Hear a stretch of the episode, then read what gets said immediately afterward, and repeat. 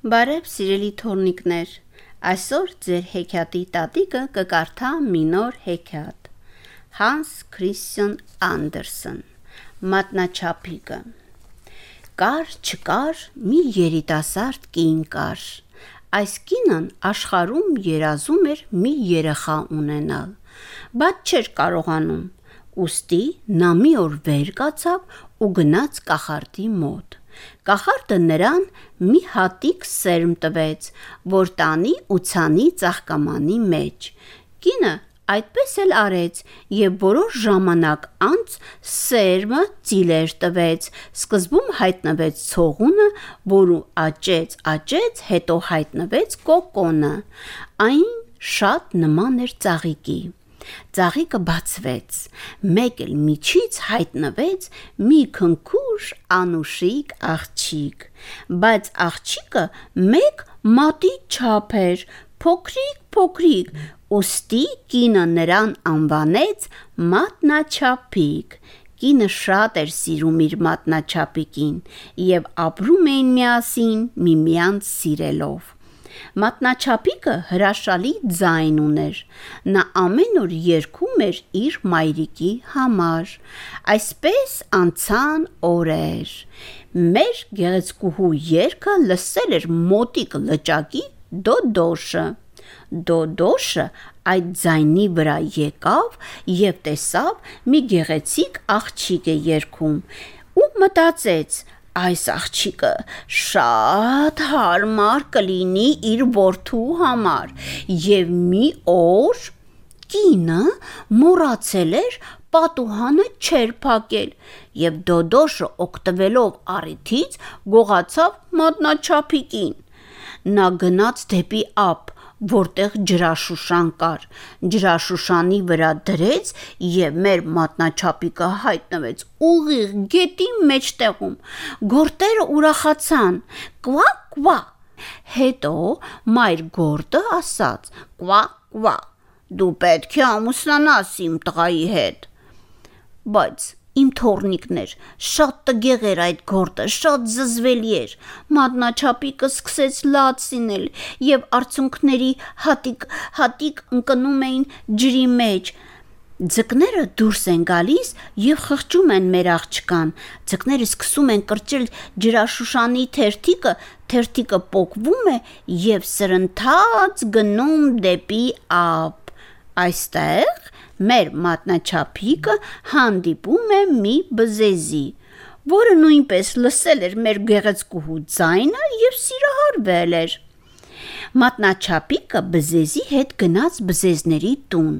Այնտեղ շատ-շատ բզեզներ կային, բայց նրանք տեսնելով մատնաչափիկին չեն հավանում եւ ասում են. «Թու, թու,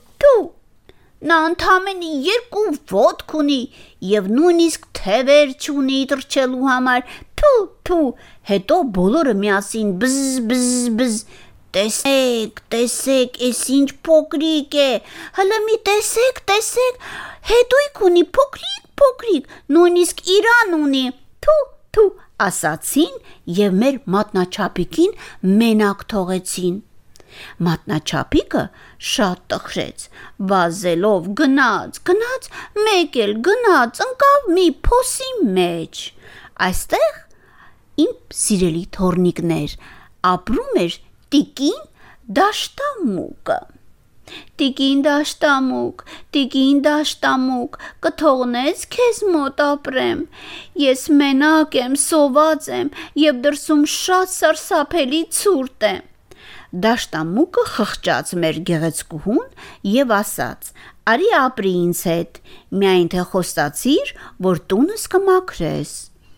Դաշտամուկը, իմ սիրելի թորնիկներ, ուներ մի հարևան, կույր խլուրդը, որը շատ հարուստ էր։ Մի օր կույր խլուրդը հրավիրեց դաշտամուկին եւ մատնաչափիկին իր տուն, որը ճկնաղ եւ հրաշալի տուն ուներ։ Նրանք երբ որ կույր խլուրդի տանից վերադառնում էին, հանկարծ ճանապարհին տեսան մի ծիծեռնակ ընկած։ Դաշտամուկը ասաց. «Արի, արի, նա սատկած է»։ բայց մտեցավ մատնաչափիկը տեսավ որ ծիծեռնակը դեռ շնչում է նա ջուր տվեց հացի փշուրներ տվեց ծիծեռնակին վրան ծածկեց այսպես մատնաչափիկը դաշտամուկից թաքուն խնամում էր ծիծեռնակին օրեր անցան եւ ծիծեռնակը առողջացավ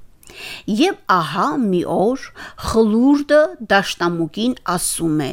Ես շատ եմ հավանում մատնաչապիկին եւ ուզում եմ ամուսնանալ։ Մատնաչապիկը լսել անգամ չէր ուզում։ Ոչ, ոչ, ես չեմ ուզում ապրել կույր խլուրդի հետ եւ սկսում է հեկեկալով լաց լինել։ Մեկ էլ հանկարծ նրա գորոցներից վրա եկավ ծիծեռնակը եւ ասաց. Եկ ինձ հետ Ես մի տեղ գիտեմ, որտեղ դու երջանիկ կլինես։ Ես եղել եմ այնտեղ, երբ ճանապարհորդում էի։ Այստեղ քո նման փոքրիկ մարդուկներ շատ կան։ Եվ իսկապես, երբ նրանք հայտնվեցին այդ հրաշալի այգում, այնտեղ շատ-շատ ծաղիկներ կային, եւ ամեն ծաղիկի մեջ մի փոքրիկ մարդուկ։ Եվ ահա մի շքեղ ծաղիկի մեջ այս թակավորության արքայազներ, որը օգնեց մատնաչապիկին ամեն ինչ սովորել, որով մատնաչապիկը թևեր չուներ, թրջել չէր կարող։ Ախր ես չեմ կարող թրջել, ես վախենում եմ, ես թևեր չունեմ բայց արքայազն ասաց. «Գրկի ինձ ամուր, եւ ես իմ թևերով քեզ հետ միասին կտրչենք»։ Մատնաչապիկը շատ ուրախ էր, որ իրեն հանդիպել են իր նման բարի եւ անուշիկ մարդիկ։ Հետո իմ սիրելի թորնիկներ, նրանք միասին ապրեցին երկար ու երջանիկ տարիներ։ Կարդաց Մարա Բաբոն